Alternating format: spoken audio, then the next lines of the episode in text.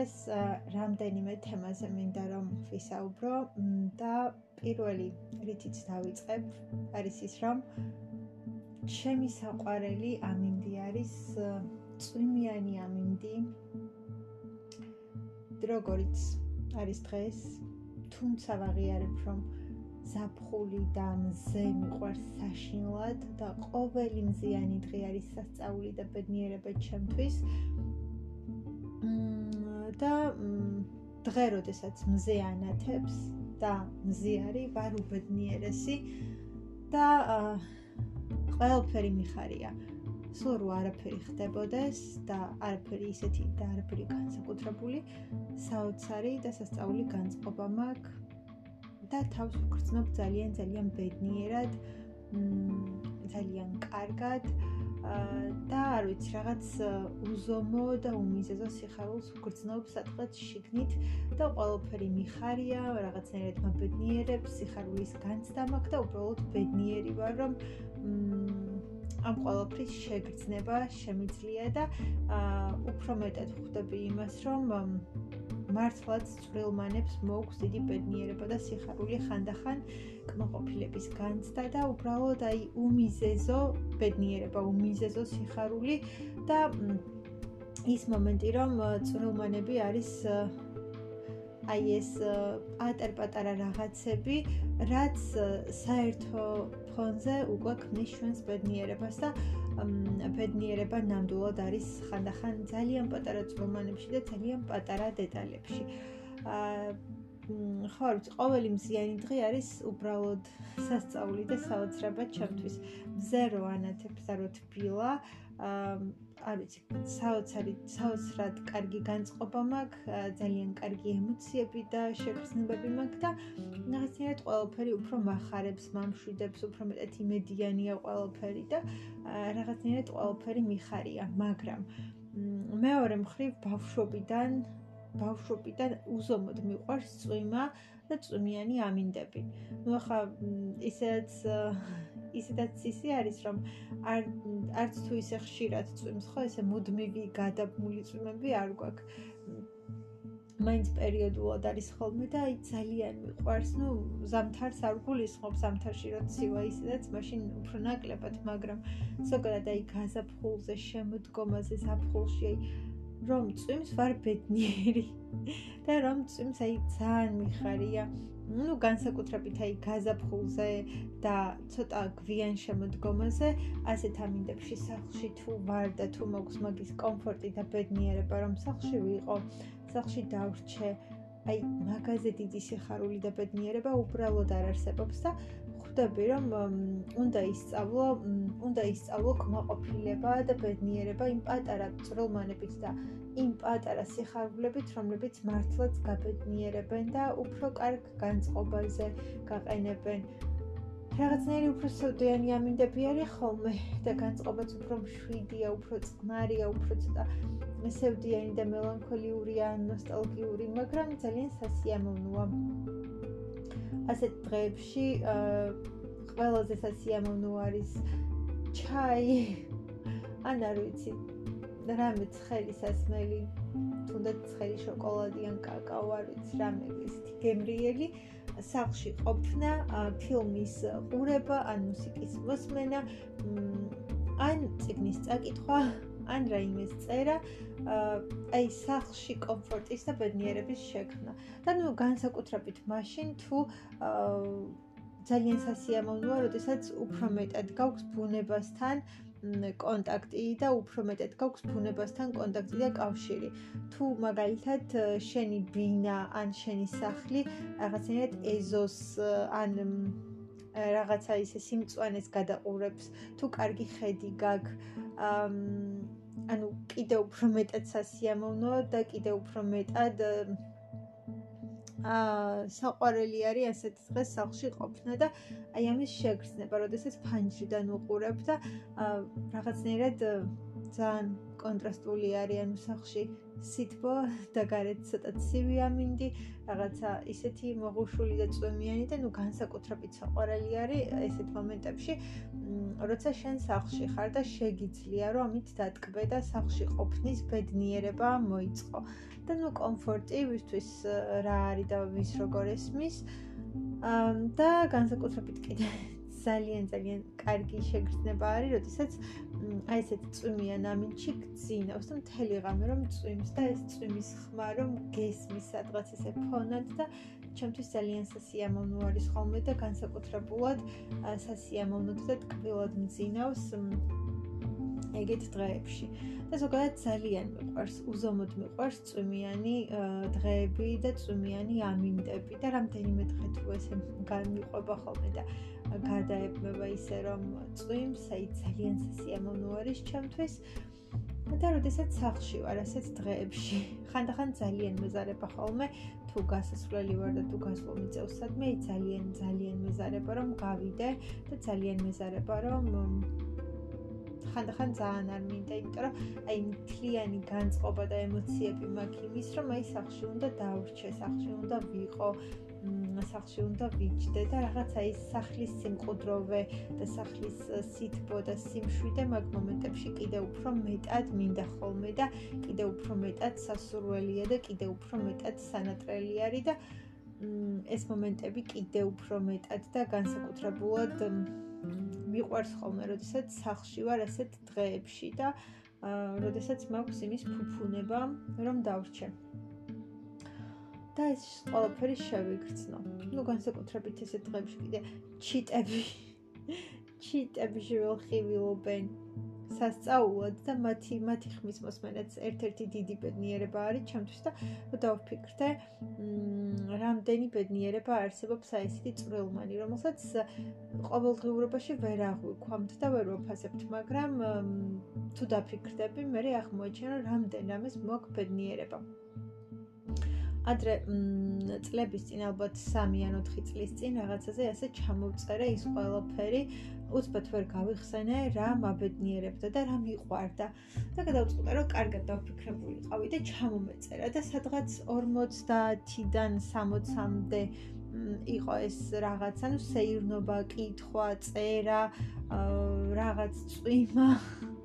და რა ვიცი ეს პატარ-პატარა რაღაცები რასაც ვაკეთებ ხოლმე რაც მიყვარს, რაც სიამოვნებს და აღმოვაჩინე, რომ ძალიან ბევრი რამ არის, რაც ყოველდღიურობაში ნაკლებად ხედავ, ნაკლებად ხვდები და აფასებ, მაგრამ ერთიანობაში უკვე თუ თლიანი კუთხით დაფიქრდები და შეხედავ, მე რა ხვდები, რომ ხელო ბედნიერება არის და როგორ გიყვარს რაღაცები და როგორი სასიამოვნო არის რაღაცები შენთვის. და მაგ მომენტშიც ის უფრო მეტად გავიაზრე და აღვქვი რამდენი რამ არის რაც პატარ-პატარა ესეთი წვრილმანია თითქოს განსაკუთრებული არაფერი მაგრამ როგორ მიყვარს და როგორ მაბედნიერებს და არ ვიცი. ესეთ დღეებში თუ გაქვთ მართლა იმის ფუფუნება და იმის ბედნიერება რომ იყოთ სახლში რომ დარჩეთ სახლში რომ შეიგრძნოთ სახლის სიმშვიდე და სიმყუდროვე და რომ გაატაროთ კომფორტულად იმ კომფორტში, როგორი კომფორტიც თქვენ გესმით და წარმოგიდგენიათ, ამაზე დიდი ბედნიერება არაფერი არ არის და აი ყველა ესეთი დღე მიყვარს რაღაცნაირ სიმშვიდეს ვგრძნობ და აა ცოტა ნუ სევდიანი არის, რა თქმა უნდა, ნუ ჩემთვის არის ყოველ შემთხვევაში. ცოტა სევდიანი რაღაც ისინი დაკრავს. მაგრამ ამ სევდიან განწყობასთან ერთად არ ვიცი, უბრალოდ ძალიან დიდი სიმშვიდე მაგ ხოლმე ის სიმშვიდის განცდა მაგ და რაღაცნაირად ძალიან სიმყუდროვის და უფრო მეტად რო გინდა მართლა სახლის სითბო და სახლის კომფორტი და სიმშვიდე და უფრო მეტად რო აფასებ ეგეთ მომენტში. მოკლედ სასიამოვნოა ესეთი დღეები ჩემთვის და იმედია ბევრი თქვენგანისთვისაც და იმედია თქვენს გიყვართ და თქვენს აფასებთ და თქვენთვისაც ძალიან დიდი ბედნიერება არის ასეთ ასეთი დღეები და ასეთ დღეებში, რა ვიცი, საქმიანობა, ხანდახან სეირნობაც მიყვარს, მაგრამ გააჩნია განწყობას. თუ თავიდანვე ისეთ განწყობაზე ვარ, ვარცეთ გასვლა არ მინდა, მე აღარ მინდა ხოლმე. მაგრამ ნუ თუ თუ არა და ისე ძალიან კარგი არის, მოკლედ, ყველანაირად ყველანაირად ძალიან საყვარელი ამინდი არის ჩემთვის. და ძალიან დიდი ბედნიერება არის. რომ აი ხვდები რომ აი რაღაც ეს დღე როგორი მნიშვნელოვანია შენთვის. და უბრალოდ აი იმ დღემ და იმ ამინდმა უბრალოდ ძალიან მარტივი არც არაფერი ხო განსაკუთრებული უბრალოდ წვიმს, მაგრამ როგორ გაგახარა და როგორ გაგაბედნიერა. მე მაგალითად ყველაზე მეტად მეზიზღება და ყველაზე მეტად ვებიტან ქარიან ქარიან ამინდს და ქარიან დღეებს და ეხლა შეიძლება და ქარიანი ყოფილიყო და არა წვიმიანი მაგალითად. და აი როგორი მაგარი არის რომ წვიმიანი დღეა და არა ქარიანი და თუნდაც ამან უკვე როგორი განწყობა შეგიქმნა და რაღაც ემოცია მოგიტანა. მოკლედ უბრალოდ იმის თქმა მინდა რომ კარგი არის როდესაც აფასებ იმ რაღაცებს რაც გიყვარს და როდესაც კიდევ შეგიძლია რომ ესეთი პატარა წრომანები დაინახო, შეამჩნიო გაბედნიერდი ამ ყოველფრით და დააფასო ის პატარა-პატარა რაღაცები და პატარა სიხარულები და უბრალოდ დააფასო ის, რომ ეხა ეს ესე რო არის, რა მაგარია და რა კარგია და შეგეძლოს ამის შემჩნევა და დანახვა. და ნუ დააფასებად თავისთავად, იმიტომ რომ ხანდახან ეს პატარ-პატარა ძრომანები ქმნიან ჩვენს დღეს, ჩვენს განწყობას, ჩვენს ბედნიერებას და სიხარულს და ნუ მე უკვე დიდი-დიდი რაღაცებიც ასევე ემატება. აა კიდევ რაც მინდოდა მეთქვა არის ის რომ როდესაც ამ თემაზე დავფიქრდი აი პირველად დღევანდელ დროს გავიხედე და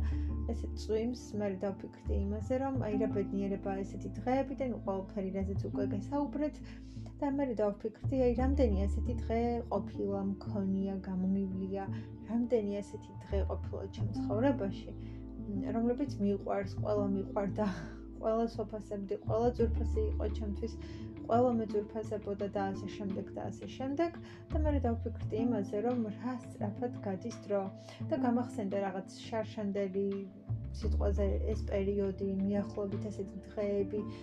ჩემი განცდები, რომლებიც რატომღაც ძალიან კარგად მომახსოვრდება ხოლმე განსაკუთრებით ისეთ დღეებში, რომლებიც ჩემთვის მნიშვნელოვანი იყო, ან ძურფასი იყო, ან მიყვარდა. ჩემი ემოციებიც მახსოვს ხოლმე და ვფიქრო, დავფიქრდი იმაზე, რამდენად სწრაფად გადის დრო. ეს ახალი აღმოჩენა რა თქმა უნდა არ არის და არაფერი ისეთი განსაკუთრებული ამაში არ არის, რომ დრო სწრაფად გადის და ყველა მიცის და ყველა ვიცით, მაგრამ ანუ რამდენად სწრაფად გადის დრო და წლები, რომ ვერაფერს ვერ ვიგებთ და ვერაფერს ვერ ვამჩნევთ. და ხანდახან ძალიან მეშინია და მაშინებს ის მომენტი, რომ სად წავიდა და სად მიდის ჩემი ოცნებები და სურვილები, ჩემი გეგმები. და სანამ მე ამ ყოველფერს ვიზამან გავაკეთებ ან შევასრულებ ან ავასრულებ, ამასობაში გადის წლები, გადის ძალიან ბევრი დრო. და რომ არ არის ასე მარტივი, რომ ორ დღეში იქნა და გააკეთო რაღაცები და ძალიან ბევრი დრო გაგდის, ანუ წლები გემატება, დრო მიდის, წელს წელი ცვლის, ისე რომ ვერ იგებ, უბრალოდ ეს არის კიდევ ერთი რაღაც, რომ აი უბრალოდ ვერც იგებ, როგორ გავიდა, როგორ მიდის ეს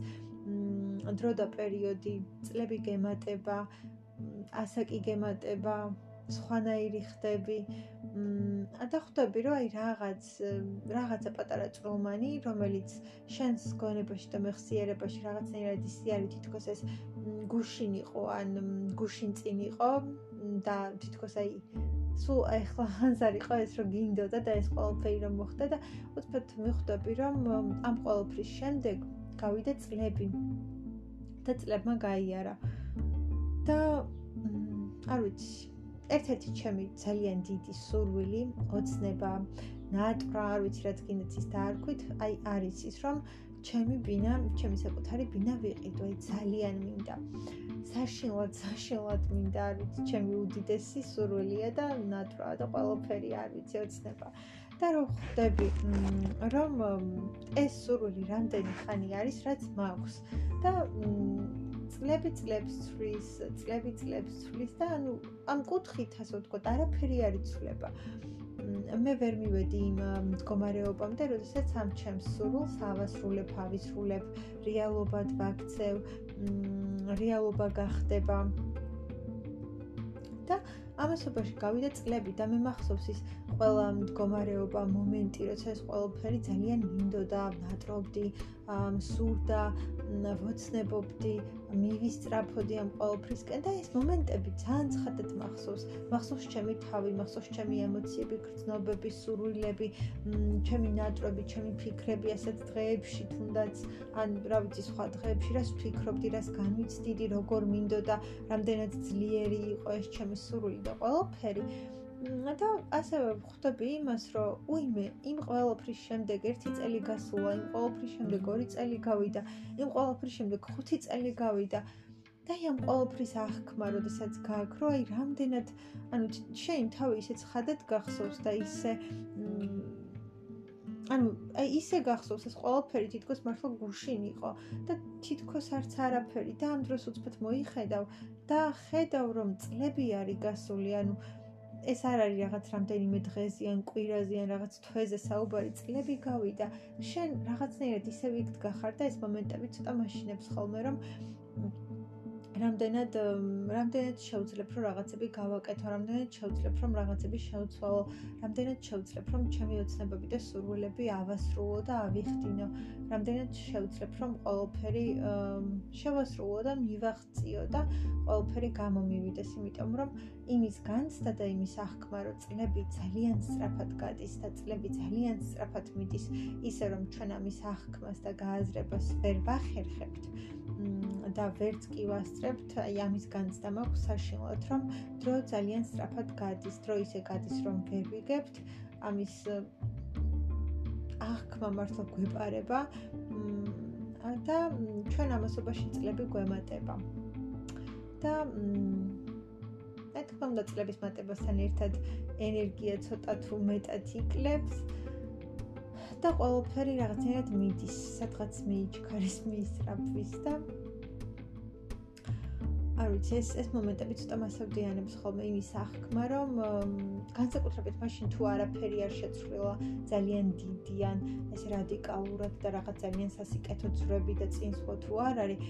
ეს მომენტები მე პირადად მაშინებს რომ აი თითქოს ისე ვიგვთ გავარ და აბა რა გავაკეთიან რა გამიკეთებიან რა რა მოხდა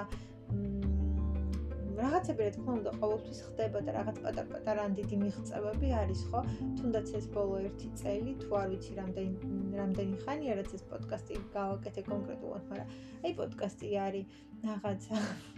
ანუ შეიძლება დიდი და მნიშვნელოვანი არაფერი, უფრო მეტად ესე ჩემთვის და უფრო ისე ვაკეთებ ხო? ანუ ჩემი სურვილია და იმიტომ და მომწონს და მსიამოვნებს თორემ ამას არაფერი არ მოაქვს ხო ჩემთვის რეალურად რეალურად რაღაცნაირად უფრო ისეთი არის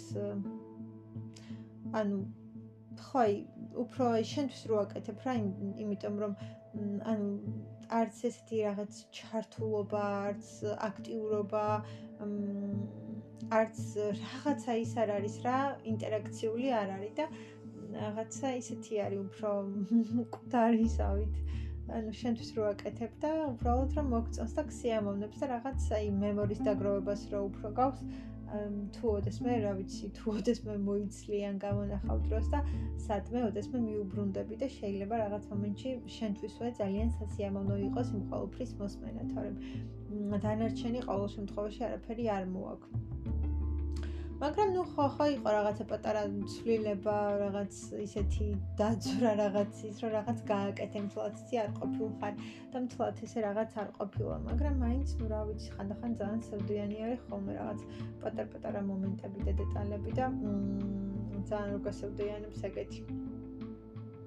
მ როი რა რა შეიცვალა რა გავაკეთე რა რა მოხდა ისეთი განსაკუთრებული ან განსხვავებული ან რას მივაღწია ეს ყველაფერი ძალიან მაშინებს და იმის აღქმა რომ რამდენად სწრაფად გადის დრო და რამდენად მართლა უნდა ვიფიქროთ იმაზე რომ რაც შეიძლება მეტი გავაკეთოთ მეტი ვქნათ მეც მივაღწიოთ. და არ ვიცი რაც სურვილები გვაქვს და რაც მიზნები გვაქვს, ანუ ცნებები გვაქვს, ცოტათი მაინც რაღაცები რომ ავასრულოთ, ან რაღაც ნაბიჯები რომ მაინც გადავდგათ იქითკენ და იმ ყოველფრისკენ, რომ ეს ყოველფერი ერთ მშვენი ერთ დღეს მაინც ახდეს, იმიტომ რომ აი ამ ყოველფრის აღქმა ხანდახან გვეკარგება, მაგრამ რეალურად დრო გადის ძალიან ძალიან სწრაფად და იმაზე ბევრად სწრაფად, ვიდრე ჩვენ ამას ვფიქრობთ, ან ვიდრე ჩვენ ეს წარმოგვიდგენია და უბრალოდ დრო მიქრის სადღაც და უსწრაფესად, უსწრაფესად გადის და ხანდახან მართლა ვერ ვახერხებთ და ვერ ვასწრებთ თვალისა ესე შევლებას რაღაცებზე და უკვე წლები არის გასული ამასობაში და ჩვენ საერთოდ უკვე სხვაგან ვართ და სხვაგან ვდგავართ. და სამწუხაროდ არ არ ვართ ხო თუ საბედნიეროდ ერთ წერტილში და რაღაცები იცვლება. ალბათ კარგი იქნებოდა სულ რომ ახალგაზრდები ვიყოთ, ნუ ვისაც რა ასაკი უნდა ალბათ რაღაც ის არჩიოს და აი მუდმივად ახალგაზრდა რო იყო და ენერგიული ხალისიანი რაღაც კარგი იქნებოდა ხო? არაფერი არ ეს არ გაწუხებდეს მუდამ მუდამ ჯანმრთელი იყო ენთუზიაზმით და ოცნებებით საუსე და ამის შეგრძნება არ გქონდეს რომ დრო გადის მაგრამ ნუ ხო რეალურად დრო გადის და იმის აღქმა უფრო მეტად არის რომ რაღაცები უნდა გააკეთო უნდა მოასრო უნდა ქნა იმიტომ რომ ხოლმე ეგ შეიძლება რომ მართლა ძალიან ბევრი დრო იყოს გასული და მართლა ქონდეს იმის განცდა და შეგრძნება რომ რაღაცები გამოტოვე და კარგე ვერ გააკეთე ვერ შეძელი ვერ შეასრულე და არ ვიცი ამაზე საუდიანი რეალურად რა უნდა იყოს ანუ რისი განცდა უნდა იყოს რეალურად ამაზე საუდიანი და ამაზე მძიმე. რომ შენ შენ ცხოვრებაში გქონდა ძალიან ბევრი სურვილი განცდა რაღაცა მომენტები გქონდა და ეს ყველაფერი შენ რაღაცნაირად ვერ შეძელი ვერ გააკეთე ვერ შეასრულე და ბევრი რამ თითქოს ესე царსულში სადღაც დარჩა ისე რომ ვერ განახორციელე და ნუ ვერაფერი ვერ ქენი. აა აქვე გეტყვით იმას რომ თუ ვინმეს გაქვთ სურვილი რომ რაიმე კომენტარი გააკეთოთ ჩემს პოდკასტზე და თქვენი შთაბეჭდილებები ან შეხედულებები გამიზიაროთ, შეგიძლიათ რომ აღწერაში ნახოთ ლინკი, იქ არის ორი ლინკი. Instagram-ის და Facebook გვერდის და შეგიძლიათ რომ მომწეროთ, შეგიძლიათ რომ გამიზიაროთ თქვენი შეხედულებები და შთაბეჭდილებები. და შეგიძლიათ რომ არ ვიცი, უბრალოდ რაიმე მითხრათ, რას ფიქრობთ, რა მოგწონთ, ან რატომ მოგწონთ, ან რა თემები უფრო მეტად მოგწონთ და გაინტერესებთ, ან რატომ უსმენთ. რა თემების მოსმენა იქნებოდა თქვენთვის სასურველი ან სასიამოვნო ან საინტერესო. ну, რა თქმა უნდა, ესეც რა თქმა უნდა და რა თქმა უნდა სურვილის შემთხვევაში. ასეთი რაღაცები უბრალოდ ზოგადად არის საინტერესო იმ კუთხით და იმ ხრივ, რომ უფრო მეტად ხვდები რა აინტერესებს შენს მსმენელს, რომელი თემები უფრო მეტად მოსწონთ და რა კუთხით უნდა განავითარო ეს ყველაფერი და ანუ უფრო სიღრმისეულიც რო გახდეს, თორე მეტი არაფრისთვის, ანუ სამომავლოდ რა თქმა უნდა ეს ყველაფერი. და მე უფრო რაღაც უფრო ღრმა, უფრო ვიცი, სიღრმისეული რო გახდეს, ბევრი რამ და ანუ ისეთი რო იყოს რა უფრო. მხოლოდ ჩენს შეხედულებებზე ან რაღაცებზე კი არ იყოს. თუნდაც რაღაც კვლევა გააკეთო მთელი ანუ ესეთი ინფორმაციით უფრო მეცნიერული და უფრო სერიოზული ფორმა რომ მიეცეს მაგისტრის ალბათ თორე. დანარჩენი არაფერი. შეიძლება ვიღაცას უბრალოდ ის მოსწონდეს რომ პირად გამოცდილებებზე და პირად ემოციებზე როდესაც ლაპარაკობ და ეს გულწრფელობა რომ იგრძნობა ეს იყოს ვიღაცისთვის საინტერესო და საერთოდ არ უნდადეს რაღაცა უფრო ისეთი სხვა სხვა ფორმატი ხო იმიტომ რომ იმ ყოველფრის მოძიება ან ნახვა, წაკითხვა, გაცნობა ყველა შეუძლია, მაგრამ პირადი ემოციების გაზიარება ყოველთვის პირადია. მოკლედ, შემდეგი, რაც მინდა რომ გითხრათ და რის გამოც გადავწყვეტეთ ხმანდელი პოდკასტის ჩაწერა, და შემდეგ ეს რაღაც დროის თემა და ამინდის თემა მე ასე ვთქვათ წამოვიდა გონებაში, მაგრამ რეალურად დღევანდელი პოდკასტი მინდოდა ყოფილიყო იმაზე, რომ თუ ადამიანს რაღაცის სურვილი არ აქვს და თუ ადამიანს რაღაც არ უნდა, ან რაღაცის გაკეთება არ უნდა, არ არსებობს რომ ვინმემ ან რამემ დააძალოს და გააკეთებინოს. აა სანამ უფრო ღრმად დავიწყებ ამ საკითხზე საუბარს, ისიც მინდა გითხრათ, რომ ყველაფერი, რასაც ვიტყვი, არის ჩემი პირადი გამოცდილებიდან და ჩემ ჩემ პირად გამოცდილებას ეყრდნობა და ანუ ჩემ ცხოვრებაში მიმდინარე მოვლენებიდან, ადამიანებიდან, ჩემს გარშემო მყოფი ადამიანებიდან და ის რაც ცხოვრებაში ჩემი თვალით ვნახე და ვინახე, გამოვცადე, შევეხე, ვიგრძენი, ასე ვთქვათ, აბსოლუტურად პირად გამოცდილებაზე არის დაფუძნებული. თავისთავად ახლა ადამიანების დასახელებას არ დავიწყებ, იმით არც აქვს აზრი ხომ, ანუ ვინ რას გაიგებს. მაგრამ რეალურად ყველაფერი, რასაც მოვყვები და რასაც ვიტყვი, არის პირადი გამოცდილებით და აბსოლუტურად პირადი გამოცდილებას ეფუძნება. ამას წინებზე ვამბობდი, რომ ცხოვრებაში არის ცოდნა, რომელსაც ჩვენ ვიძენთ ციგნებიდან, რაღაც სასწავლო პროგრამებიდან, სახელმძღვანელოებიდან, კონკრეტულ ცოდნას, კონკრეტულ გამოცდილებას ვიძენთ, ხატრული ლიტერატურის კითხვით, ასევე ნუ ფილმებით და ასე შემდეგ. და არის ასე ვთქვათ ცოდნა რომელსაც ჩვენ რეალურად ვიღებთ ამ ყოველფერს ციგნებიდან და ციგნების საშუალებით და სწავლისა და მეცადინეობის საშუალებით. მაგრამ ასევე არის ცოდნა და გამოცდილება რომელსაც უშუალოდ ცხოვრება გაძლევს. თავად ცხოვრება არის მასწავლებელი და თავად ცხოვრება გასწავლის რაღაცებს. და ნუ ყველა ადამიანი სხვადასხვა რაღაცას ასწავლის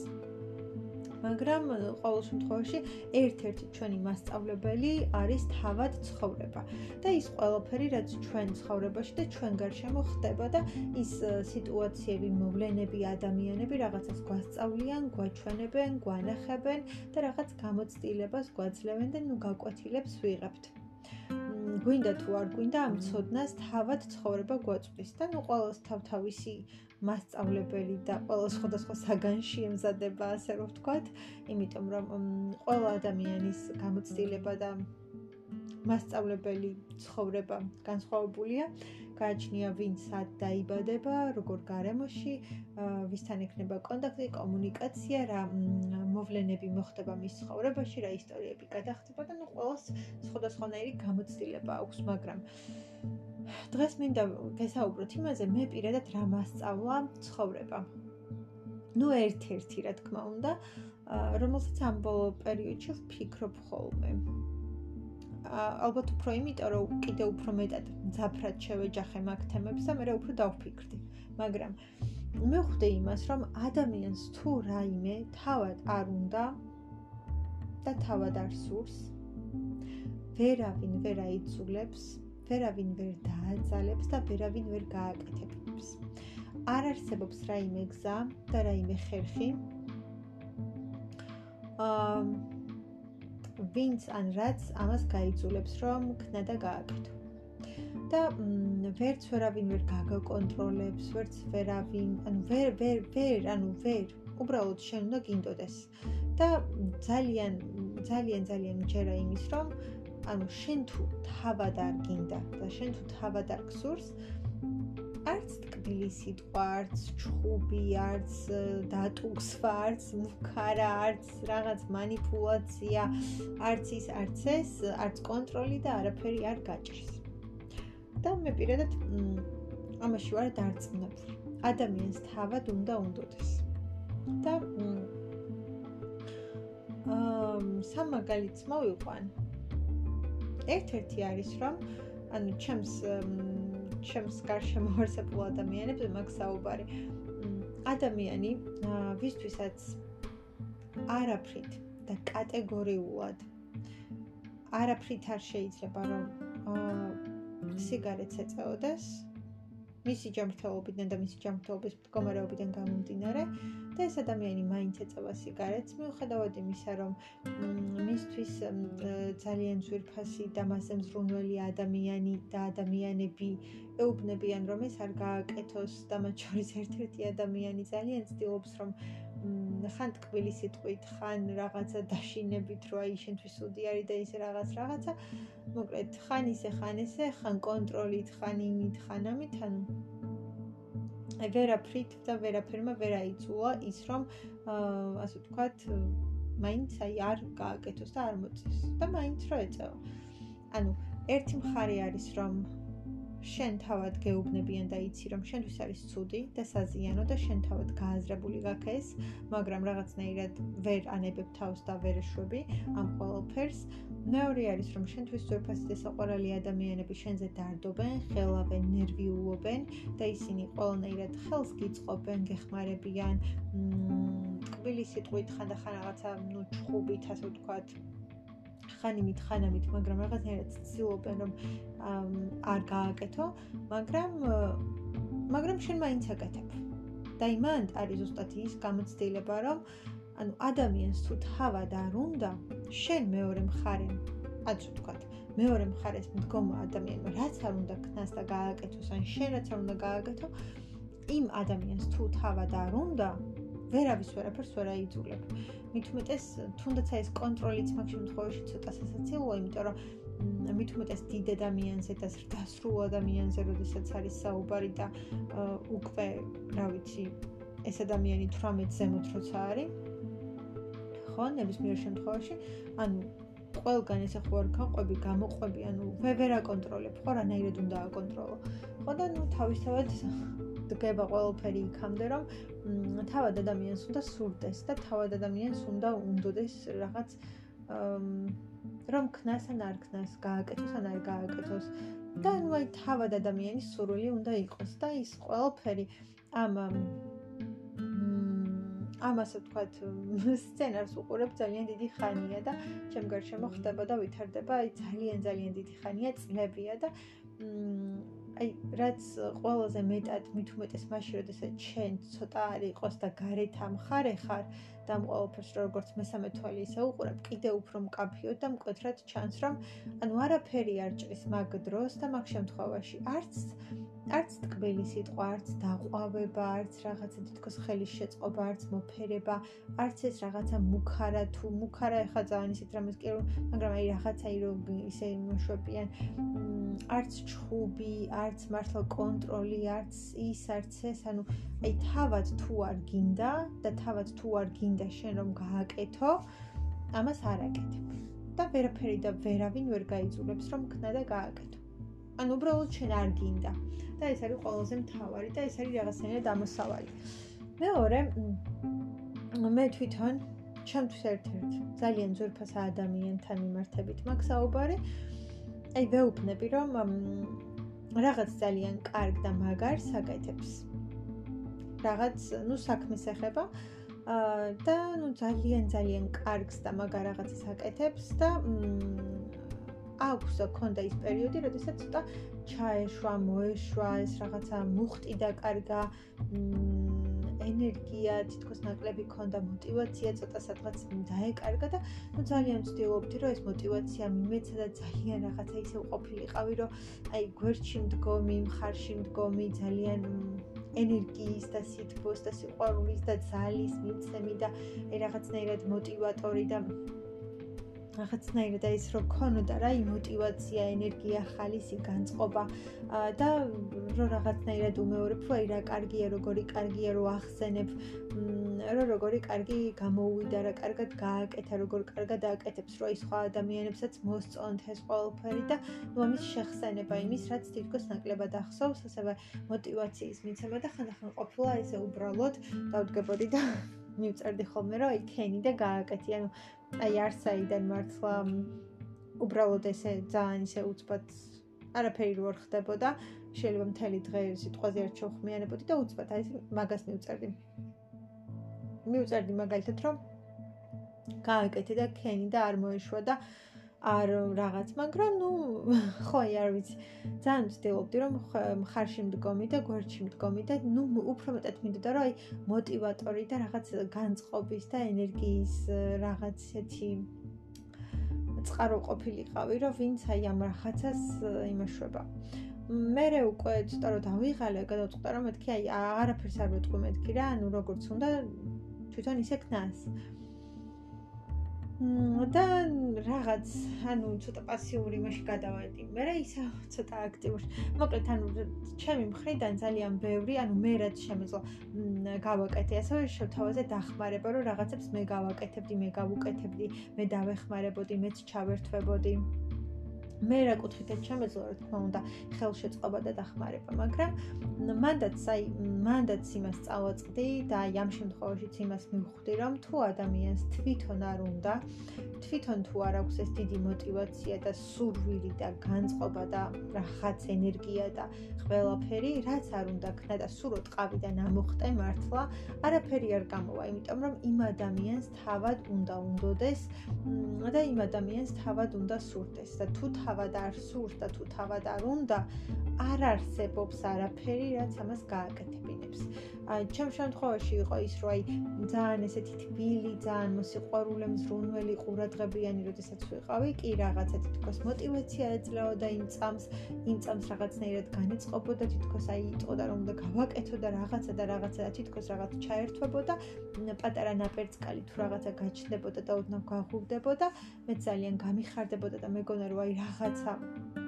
რაღაცა მაინც გამოიღო ამ ჩემმა ქმედებებმა და რაღაცამდე მივედით, მაგრამ რო ეს რაღაცა პატარა ნაკვერჩხალი თუ რა ვიცი, რაღაც ისევ ისე ჩა ჩა რა ვიცი, ჩაქრებოდა თუ მიინავლებოდა რაღაცნაირად და ისევ რაღაცა ესე ჩაიბჯუტებოდა. და მაგ დროსაც იმის განცდა მქონდა, რომ აი არ ვიცი. კი, ვითომ რაღაცა პატარა შედეგს გამოიღებდა წამებით. მაგრამ ეს წამები არაფერს არ ცვლიდა, იმიტომ რომ აი შინაგანად თავად არ უნდოდა, თავად არ სურდა და ეს რაღაცა გარედან შემოსული მუხტი, გარედან შემოსული ენერგია და გარედან შემოსული мотиваცია და იმ მათი ხალისი თუნდაც და მათი მთელი ენერგიულობა და სიცოცხლის რაღაცა აი ესეთი რაღაც ანუ არაფერს არ შვება რა. ანუ შენ რო არ გინდა და შინაგანად შენ რო არ მოგდის ეს ემოციები და ეს ძალიან დიდი სურვილი და განწყობა, მაინც არ აკეთებ და მაინც ვერ აკეთებ. ვერ აკეთებ. შეიძლება არ არ იყოს და ვერ არ ვიცი, მაგრამ მანდაც ის მომენტი იყო, რომ კიდევ ერთხელ სხვა მაგალითით და სხვა რაღაცით დავწმუნდი. მმ რომ ნუ თუ არ გინდა, თუ არ გინდა, ამას არ აკეთებ. ან ვერ აკეთებ, არ ვიცი, მაგრამ ნუ ფაქტი ფაქტად რომ ავიღოთ, რაღაცები არ გამოდის, არ ხდება და არ კეთდება და ნუ შედეგები არ მოდის და შედეგები არ მოაქვს. იმიტომ რომ იმიტომ რომ ნუ ადამიანს არ უნდა და იმ ადამიანს პროდ არ სურს. აა და ნუ ჩემ თავზეც მე პირადად თუ არ მოქვს ხოლმე განწყობა და თუ არ მოქვს ხოლმე ენერგია რაღაცა რომ გავაკეთო, სულ რომ მითხრა და მეხვეწო და ესე ძალითაც რომ დავდგე და დავჯდე და გავაკეთო, ისეთი კარგი, ისეთი ხალისიანი, ხალისიანი რა, მაგრამ აი ისეთი ხარისხიანი არ გამომივა და ისეთი შედეგიანი, კარგი კი შედეგით არ იქნება აი მე თვითონ უნდა რაღაც უნდა მქონდეს შინაგანი განწყობა, შინაგანი მაგის ენერგია, მუხტი უნდა მქონდეს, мотиваცია უნდა მქონდეს, აი ძალიან დიდი სურვილი, ძალიან დიდი ენერგია და მაგის განწყობა უნდა იყოს შინაგანად, რომ ეს ყველაფერი მართლა გავაკეთო და გავაკეთო ისე, რომ თან კარგიც იყოს, თან ძალიან ხარისხიანიც იყოს და თან მოსაწონიც იყოს და ნუ ყველაფერი ერთად რომ იყოს. რაც ნუ ხანდახან არის ხოლმე რთული რა. ყოველთვის ესეთი მარტივი მარტივი არ არის, მაგრამ ხო, აი არ ვიცი. მაგის მომენტი არის. ჩემ ჩემზეც ყოფილა ანალოგიურად ის შემთხვევა, როდესაც ჩემთვის ძალიან საყვარელ, ძალიან ძალიან მნიშვნელოვან და უცვირფას ეს ადამიანს უთხოვია, უთქვამს რომ აი გააკეთე რაღაც თავისი კუთხიდან, ანუ სიტბო, სიყვარული, რაღაცა ხარდაჭერა, გვერდში თქმა მზრუნველობა რაღაცა გამოუმჟღავნებია და უთქვამს რომ გააკეთეო, მაგრამ რაღაცნაირად არ გამიკეთებია. თუმცა ისეც ყოფილა, როდესაც კიდე უფრო სხვანაირად ჩართული ყოფილა ჩემთვის საყვარელი ადამიანი, ანუ აი მოდი ერთად ვქნათ და მოდი ერთად გავაკეთოთ და მაგდროს უფრო მეტად გამიკეთებია და უფრო მეტად მიქნია და არ დავნებებულ ვარ, როდესაც მის ჩართულობას ამ დონეზე ვგრძნობდი და უთითქოს პასუხისმგებლობა მიმეტებოდა მე პირადად რომ ეხა ის აკეთებს ჩემს საქმეს და ის შვება ჩემს საქმეს და ის ამაზე ხარჯავს დროს და კარგავს დროს და ენერგიას და ჩართულია და უშედეგოდ და საერთოდ ისე რატო უნდა იყოს ხო ჩართული და რატო უნდა აკეთოს ეს ყველაფერი და მე უფრო მეც მეტი ენერგია და მეც უფრო მეტი мотиваციაც და ძალაც მეძლეოდა და ნუ სურვილიც ალბათ რომ გამეკეთებინა და მეც ნუ უფრო მეტად ვერთობოდი და ვაკეთებდი. ნუ ალბათ ამასაც გააჩნია, მაგრამ ხო ანუ ხასიათსაც გააჩნია რა. არ ვიცი, მაგრამ ინდივიდუალური არის. ხანდახან ყოფილა რომ ძალიანაც ესე უთქვამთ და გვერდშიც დგომა მიგრძნიან რაღაცან. რა ვიცი, რაღაც ან შეიძლება იმ დონეზე ჩართულობა ვერ მიგხვდე რა დონეზეც კიდე უფრო მეტად მენდომებოდა ან რაც უკვე იქნებოდა იმის მეჩვენებელი რომ აი მართლა მოეცა მთელი ენერგია და ძალა და განწყობა მაგრამ მაგრამ არ ვიცი ადამიანზეც არის მის ხასიათზეც არის ალბათ ჩემი აზრით დამოკიდებული და ბევრ რაღაცაზე არის დამოკიდებული. თუმცა მე მაინც მგონია რომ აი მარტო ამ ორი და სამი მაგალითით კი არა ჩემ თავზე და ან ჩემთვის ძვირფას ადამიანებზე რომ ვისაუბრო, უბრალოდ აი რაც მე ცხოვრებაში მინახავს და რასაც მე შევხვდი და რასაც მე წავაწყდი ან გადავეყარე, ყველა შემთხვევაში ყოველთვის არის ის, რომ თუ ადამიანს არ უნდა თავად და თუ ადამიანს არ უნდა თვითონ რომ რაღაც გააკეთოს, აი ვერაფერს ვერ აიძულებ და ვერაფერს ვერ გააკეთებინებ ძალით. და ხანდახან ეს რაღაცა мотивацიის მიცემაც და ძალის მიცემაც და აი რაღაცა თითქოს მხარში დგომა და რაღაცებიც არ არის საკმარისი თუ იმ ადამიანს თავად არ აქვს დიდი სურვილი, იმიტომ რომ სხვის ემოციური мотиваცია და სხვის ემოციური ეს ენერგიები რაღაც მომენტში გელევა და ბოლომდე არ ყოფნის და აი შენ შინაგანად უნდა გქონდეს იმდენად დიდი სურვილი და იმდენად დიდი განწყობა, რომ ეს გააკეთო. აა და რა ვიცი, მე მე რასაც უყურებ და მე რასაც ვხედავ ცხოვრებაში, აა არის ის ნამდვილად რომ თუ ადამიანს თავად არ სურს რაღაცის გაკეთება და თუ ადამიანს თავად არ სურს რაღაც ქნას და შეცვალოს ან გააკეთოს, ვინც არ უნდა გითხრას, როგორც არ უნდა გითხრას, როგორი თბილი და როგორი მსრუნველი და როგორი მოსიყვარულეს და გვერდში მდგომიც არ უნდა იყოს და როგორ როგორ რა ვიცი, რაც არ უნდა გააკეთოს. ანუ არიზამდა არ გააკეთებ, იმიტომ რომ ის შენ არ გინდა და შენ არ გაქვს საკმარისი ენერგიები, ძალები და ის სურვილი და ის мотиваცია და ის განწყობა და შესაბამისად მაინც არ და ვერ გააკეთებ. ან არ, ან ვერ. და ნუ მესამე, მესამე რა, მაგრამ მეორე კუთხით, არის ნუ ჩემი მაგალითი, როდესაც მართლაც არ გამიკეთებია, იმიტომ რომ მე არ მქონი არც იმის განწყობა და არც იმის ძალა და ენერგია, კი უთქვამთ და ეს რაღაცა თავისი კუთხიდან ეს მხარში დგომა და მხარდაჭერა განმიცდია და დამინახავს რომ რაღაც, მაგრამ მე უბრალოდ იმდენად არ მქონდა ამის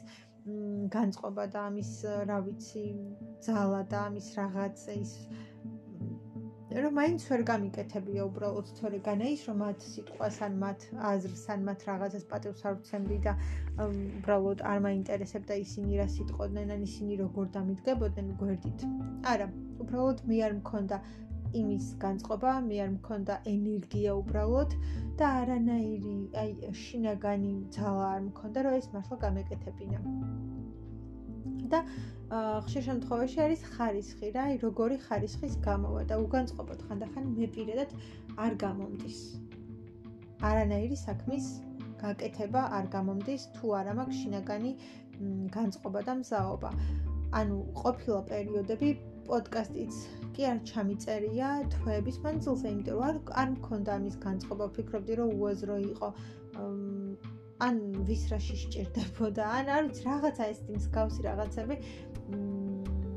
აი რავი რა ყოფილა რომ აი მართლა თვეები გასულა ისე რომ არ ჩამიწერია. ყოფილა რომ ძალიან უბრალოდ იმდენად გდომებიან უფრო ხო აი ესე ჩემთვის და საკუთარი ემოციებისთვის და განწყობებისთვის და რაღაც იმიტომ რომ მართლა თითქოს ამ ყოველფერს საკუთარი თავისთვის ვაკეთებ. და ანუ ყოფილა რომ ეს უბრალოდ მინდა რამ სიამოვნებს ამის კეთება და უბრალოდ შეიძლება რა პირობითად დღის მანძილზე შეიძლება სამი ცალი რაღაც ჩავწერო ხო? ანუ უბრალოდ იმიტომ რომ მინდა და მომწონს და ეს ყოველფრის კეთება მეხალისება ამიტომ რაღაც ხანდახან სწორი დროც უნდა დადგეს. მაგრამ მეორე კუთხით, აი ესე ჩემ თავზე ისევ რომ თქვა, ანუ ერთი არის რომ შეიძლება ძალიანაც დამიდგნენ გვერდით мотиваციაც მომცენ, რაღაცა ვიღაცა მითხრას, ყველანაირად მაგრძნობინოს თავისი გვერდში დგომა, მხარში დგომა, ყურადღება, სიყვარული, სითბო, რაღაცა განწყობები მომცეს, მუხტი მომცეს, ძალიან мотиваტორი იყოს, მაგრამ მე მაინც არ არ ვქნა, ან უბრალოდ ვერ ვქნა. მაგრამ მეორე კუთხით ჩემზე რასაც დავაკვირდი, აი ეს მომენტები რა მოქმედებს. როდესაც ვიღაც ადამიანი ვგრძნობ რომ ჩემი შეერად და ჩემი წამთ და გონიათ რომ მე ამას შევძლებ და გამომივა და როდესაც ხედავ რომ აი ამ ადამიანს ჩემი წამს და ჩემი შეერა იმის განცდა მაქვს რომ მე არ მინდა რომ მას იმედი გავუცრუო. და მე არ მინდა რომ ეს წარმოდგენები და ეს შეხედულებები ასე ვთქვათ გავაქარწყლო და ეს ყველაფერი სადღაც ჩაიფუშოს და დაიკარგოს. და ვგრძნობ პასუხისმგებლობას ძალიან დიდს იმ ადამიანის მიმართ იმ დამოკიდებულების და მისი შეხედულებების კუთხით რო აი ამას როგორ შეერა და ჩემი როგორ წამს და როგორ შეიძლება და რანაირად შეიძლება რომ მე ხა ეს იმედი გავუცრუო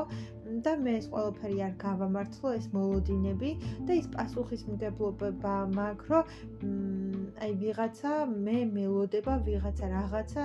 აი ჩემზე არის რაღაციდან დამოკიდებული ან მე ეს უნდა გავუკეთო და ეს პასუხისმგებლობა იმდენად მაღალ დონეზე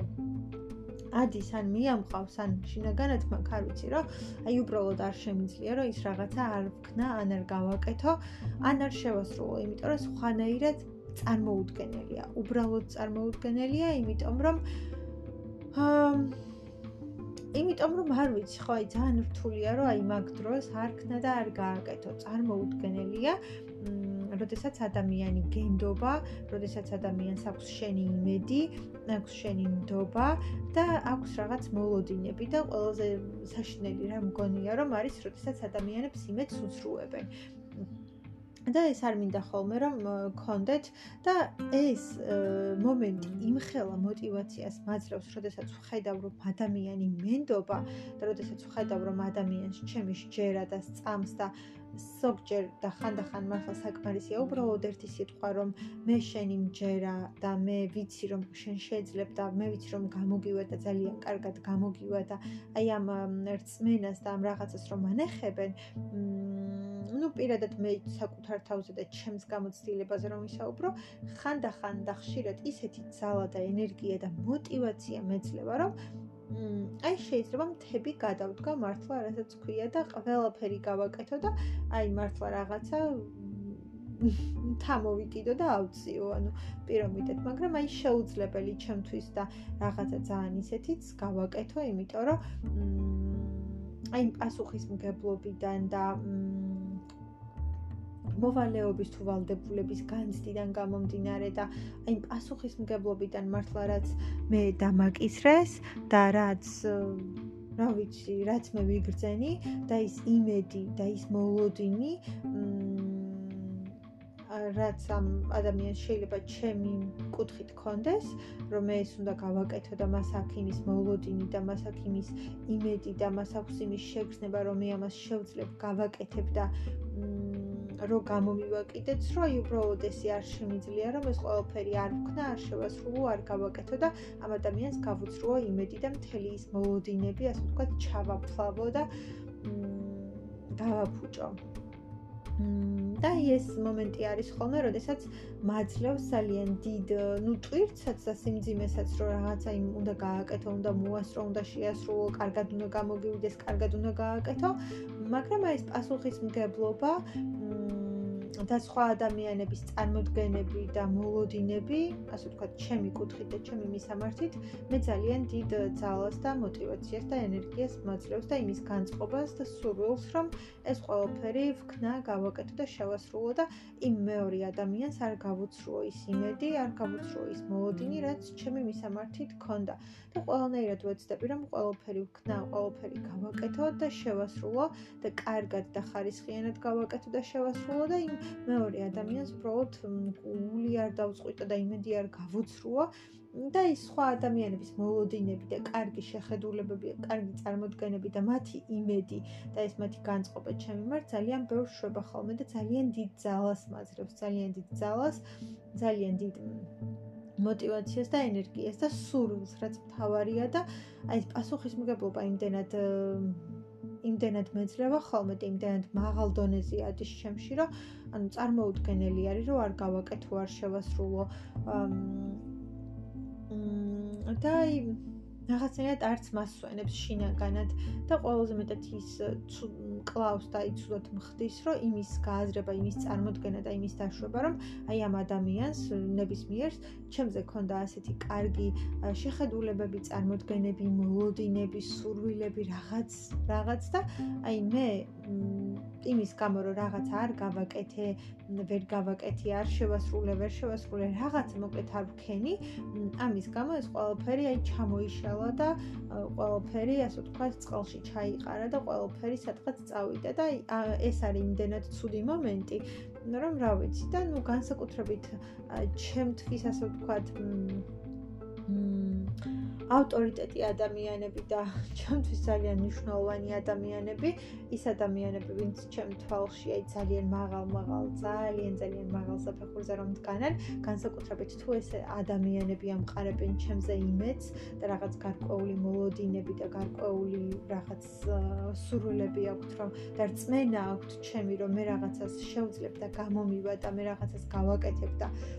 ამას კარგად გავაკეთებ და ჩემგან ამასელიან. ყველაზე დიდი ყველაზე დიდი და ცუდი რამ ჩემთვის არის ის, რომ ეს ყველაფერი არ გავაკეთო, ვერ გავაკეთო, ვერ შევძლო და ამ ადამიანებს ვერ გავუმართლო ის მოლოდინი და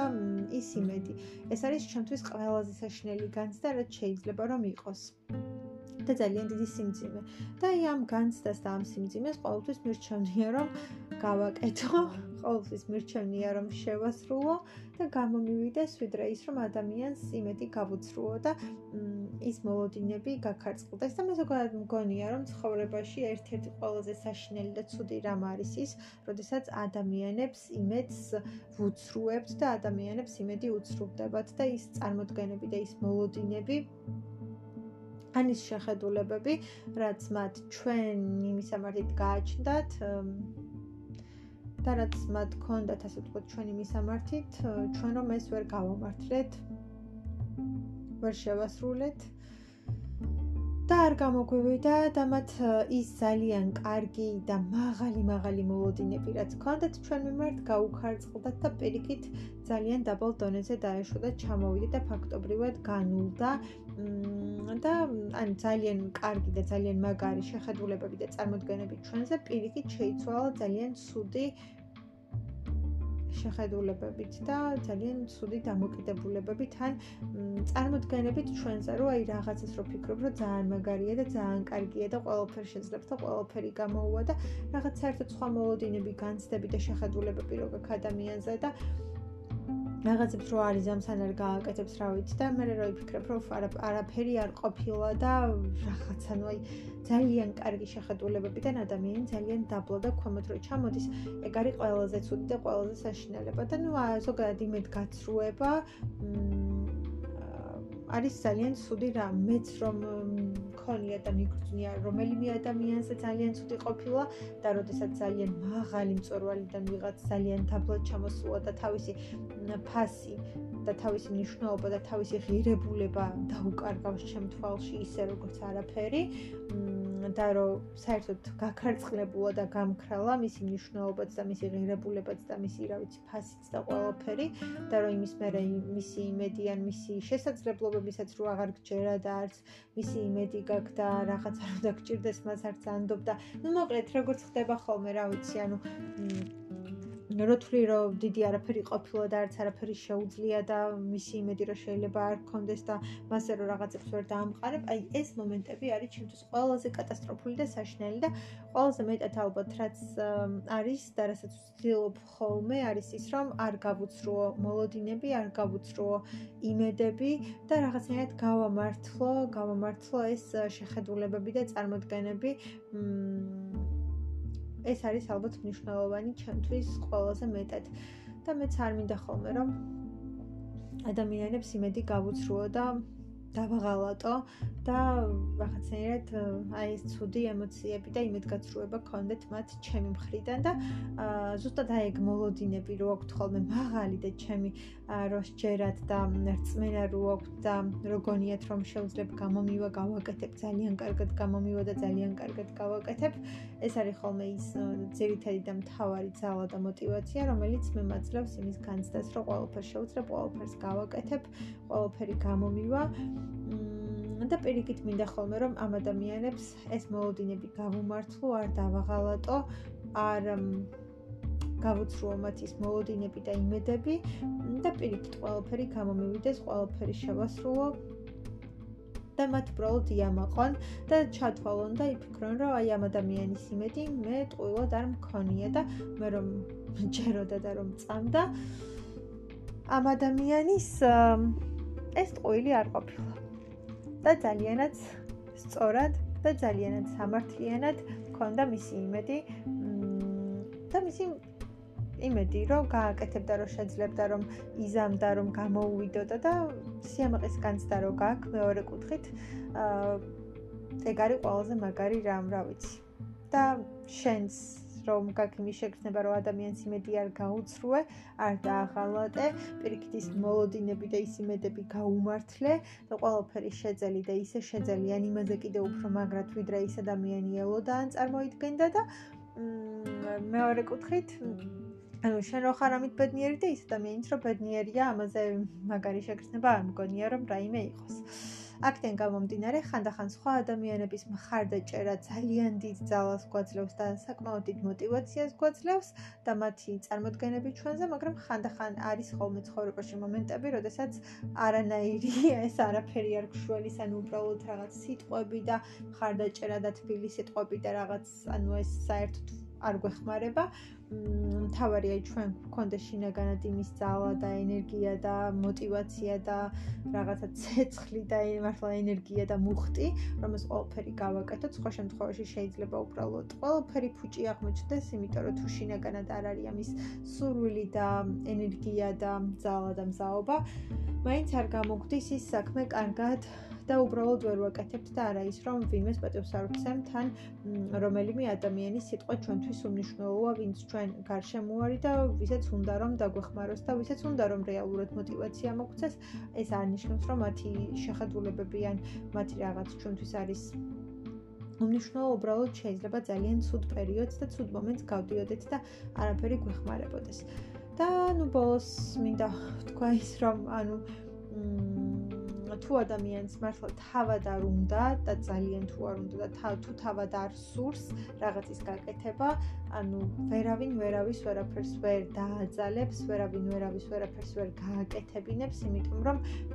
თავად ადამიანს უნდა სურდეს და თავად ადამიანს უნდა უნდოდეს და მასში უნდა იყოს ეს ძალიან დიდი სურვილიც და აი ძალიან დიდი მონდომება და მოწადინება და რაღაც. თუ თავად ადამიანს არ სურს, რამდენიც არ უნდა ეჩიკავასო თქვათ და აძალო და რაც არ უნდა ქნა და როგორც არ უნდა ქნა, მაინც არაფერი არ გამოდის საბოლოოდ. მთავარია და ყველაფერი დადის იქამდე, რომ თავად ადამიანს უნდა სურდეს, თავად ადამიანს უნდა უნდოდეს და უნდა გქონდეს ამის мотиваცია და ძალიან დიდი განწყობაც და სურვილიც. და კიდევ არ დაგვავიწყდეს ის, რომ დრო გადის, დრო ძალიან ძალიან სწრაფად ძალიან ძალიან სწრაფად გადის ისე რომ მართლა თვალის მოვლებას და აი მოხედვასაც ვერ ვასწრებთ, ამიტომ ძალიან ბევრი რამ უნდა გავაკეთოთ, შევასრულოთ, მოვასწროთ, მოვახერხოთ და გავაკეთოთ, იმიტომ რომ დრო ძალიან ძალიან მალე და სწრაფად მიდის და ბევრი რამ არის, რისი გაკეთებაც გვინდა და გსურს. და კიდევ დატკბით ასეთი ამინდებით, იმიტომ რომ ხანდახან ძალიან პატარა რაღაცებსაც შეუძლია რომ ჩვენი განწყობა და ბედნიერება შექმნას. ბედნიერად